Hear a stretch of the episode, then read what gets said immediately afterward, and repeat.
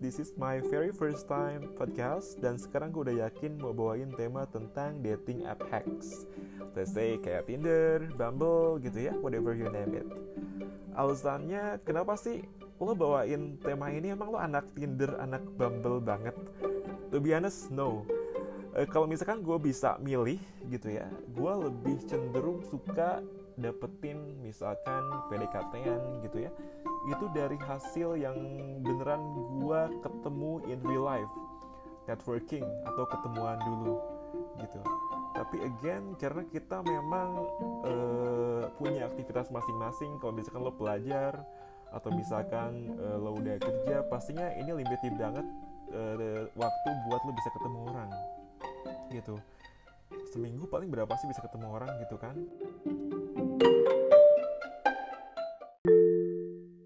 dan lo sekarang bandingin sama dating app di mana lo bisa pakai itu depend dari lo punya waktunya segimana banyak gitu.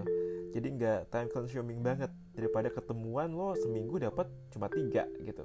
Kalau dating app lo bisa dapat banyak reachnya juga. Dan yang hal kedua gue mau sharing karena memang e, menurut gue gue lumayan efektif nih untuk gunain dating app. Secara dari 2010 hitungnya ya gue pacaran itu e, udah tujuh kali nggak uh, kehitung sama cinta cinta monyet itu nggak gue hitung tujuh kali dan lima di antaranya itu dapat gue dari dating app gitu. Jadi success rate-nya lumayan tinggi.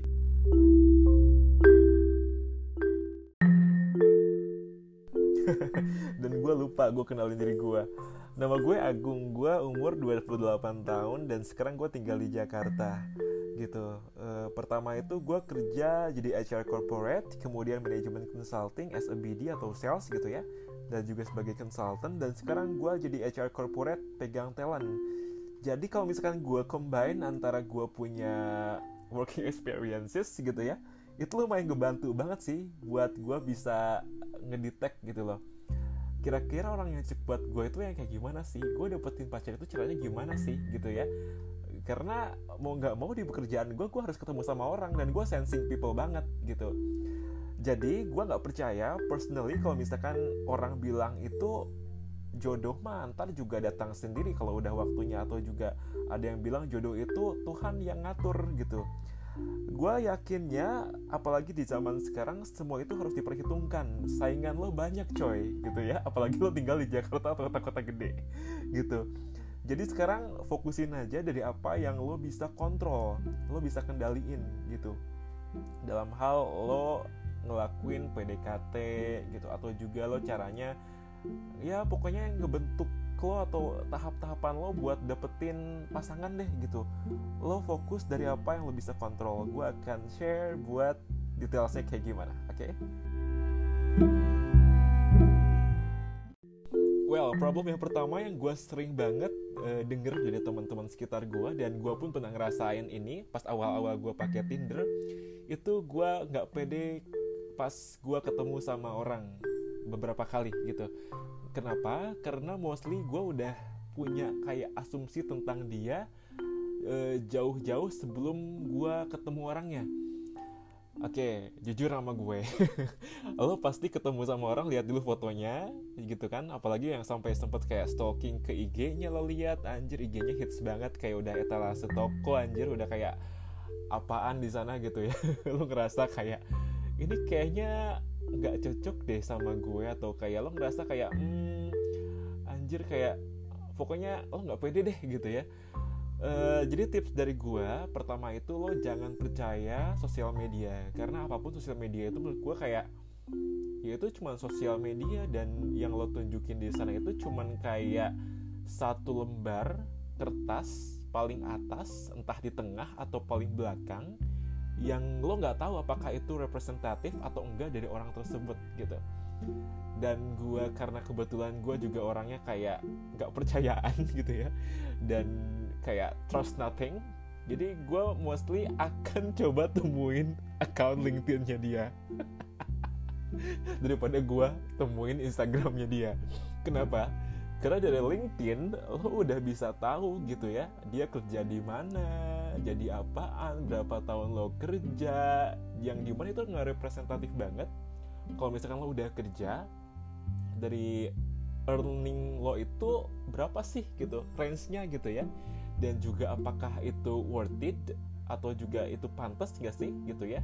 Untuk lo bisa dapetin liburan atau bawa barang-barang mewah yang lo lihat di IG itu gitu. Jadi di situ lo udah bisa tahu nih nge benchmarking orang dari segi lifestyle dan juga dari segi earningnya dia biar lo nggak ngerasa nggak pede buat lo ketemu sama orang. Karena gue yakin juga nih kalau misalkan kita dapetin pasangan itu ada limitnya juga. Di atas kita dikit atau di bawah kita dikit yang paling oke okay sih yang bener-bener sama satu level gitu ya. Biar nggak jomplang gitu. Itu yang memang kita selalu butuhkan dalam hal relationship. Nggak yang jomplang-jomplang banget biar kita nggak ada yang tersiksa salah satu antaranya gitu. gue harus jelasin dulu nih LinkedIn itu apaan? Karena gue yakin ada beberapa yang belum tahu khususnya kayak fresh grade barangkali ya. LinkedIn itu atau lo bisa cari spellingnya LinkedIn di App Store atau Google Store itu semacam social networking tapi khusus profesional. Di mana isinya uh, profile lo itu job experiences gitu ya.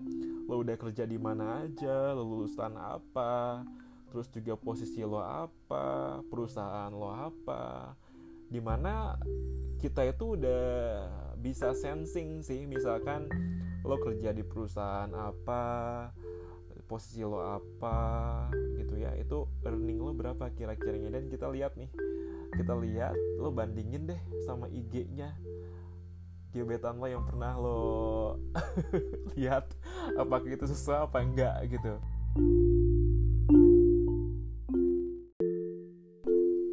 lagi ke masalah enggak pede ketemu sama orang. Jadi yang gue tekenin itu adalah lo jangan uh, pernah buat nggak pede ketemu sama orang karena lo ngeliat dari sosial medianya. Lo berasumsi dari hal-hal yang itu sangat-sangat blurry yang lo nggak tahu landasannya apa lo nggak tahu tentang tracknya kayak gimana gitu. That's why nih lo ada bisa nge-refer ke LinkedIn yang di mana itu lo bisa lihat lebih journey-nya dia punya hidup misalkan. Misalkan gini kalau di LinkedIn lo bisa lihat sekarang dia manajer gitu loh.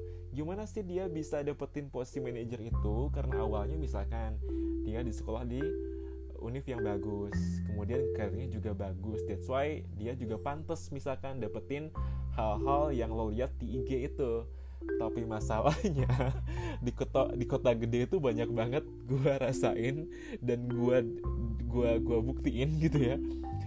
Jiwa BPJS itu real banget guys.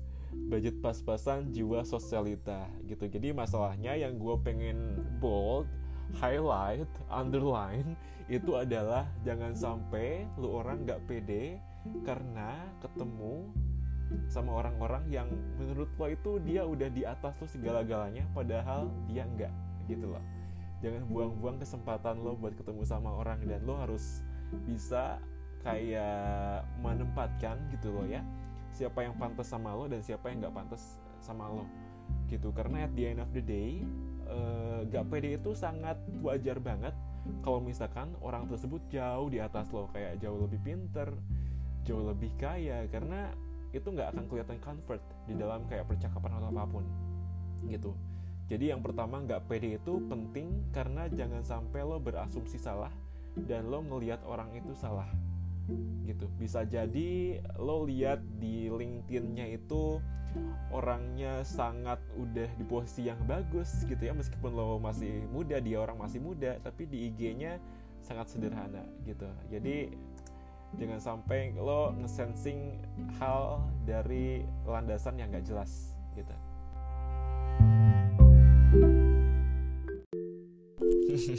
Oke, okay. terlepas dari masalah nggak pede, jadi equipment lo buat pede itu kan tadi satu nih LinkedIn gitu ya, instead of Instagram. Buat gue personally, LinkedIn itu sama Instagram kalau dikawinin jadi pakai research lo lihatnya gitu ya, simple research doang, itu sangat menarik banget. Karena yang namanya orang guys itu spektrumnya banyak banget A sampai Z gitu ya. Tipikal orangnya maksud gue ada yang uh, karirnya udah bagus tapi dia humble gitu ya. Dilihat dari IG-nya hmm, menyejukkan gitu ya. Penuh canda dan tawa misalkan. Udah kayak senyum mulu orangnya gitu ya. Ada juga misalkan hmm, lo lihat di LinkedIn hmm, masih staff tapi hmm, baik. Pas lo lihat di Instagram bombastis. Luar biasa liburan ke Eropa mulu. Jadi itu bisa equipment uh, buat lo gitu ya. Buat ngedesain orang yang cocok buat lo itu yang kayak gimana gitu. Karena itu ngawinin dua hal yang beda nih.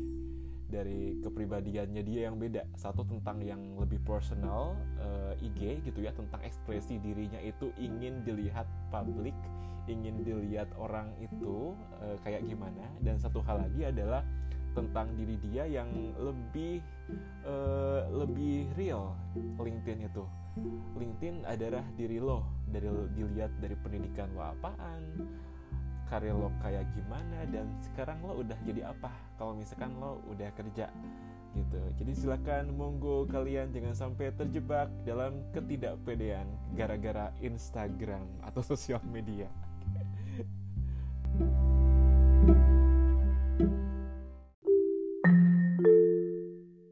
tapi sayangnya gak semua orang lo bisa temuin di LinkedIn. Kenapa? Karena memang mereka nggak bikin LinkedIn gitu. Jadi siapa aja sih biasanya orang-orang yang gak punya LinkedIn itu satu nih fresh graduate atau yang belum kerja atau yang pekerjaannya baru setahunan gitu ya. Belum belum meletek banget lah gitu. Yang selanjutnya orang-orang kayak pilot, pramugari, dokter, perawat, kayak yang kerja di pemerintahan, perkebunan, pertanian itu jarang juga punya LinkedIn jadi kalau misalkan dia nggak punya LinkedIn, bukan alasan buat lo buat ngeasumsiin orang tersebut dari sosial media. Tetap lo harus punya senjata lainnya buat uh, pede, buat pede ketemu sama siapa pun. Jadi coba aja dulu.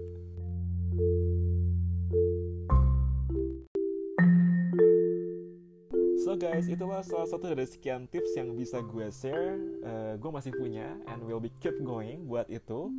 Jadi intinya di episode 1 ini lo harus pede. Dua, jangan mengasumsikan orang dari apa yang lo lihat di IG. Ketiga, coba aja dulu.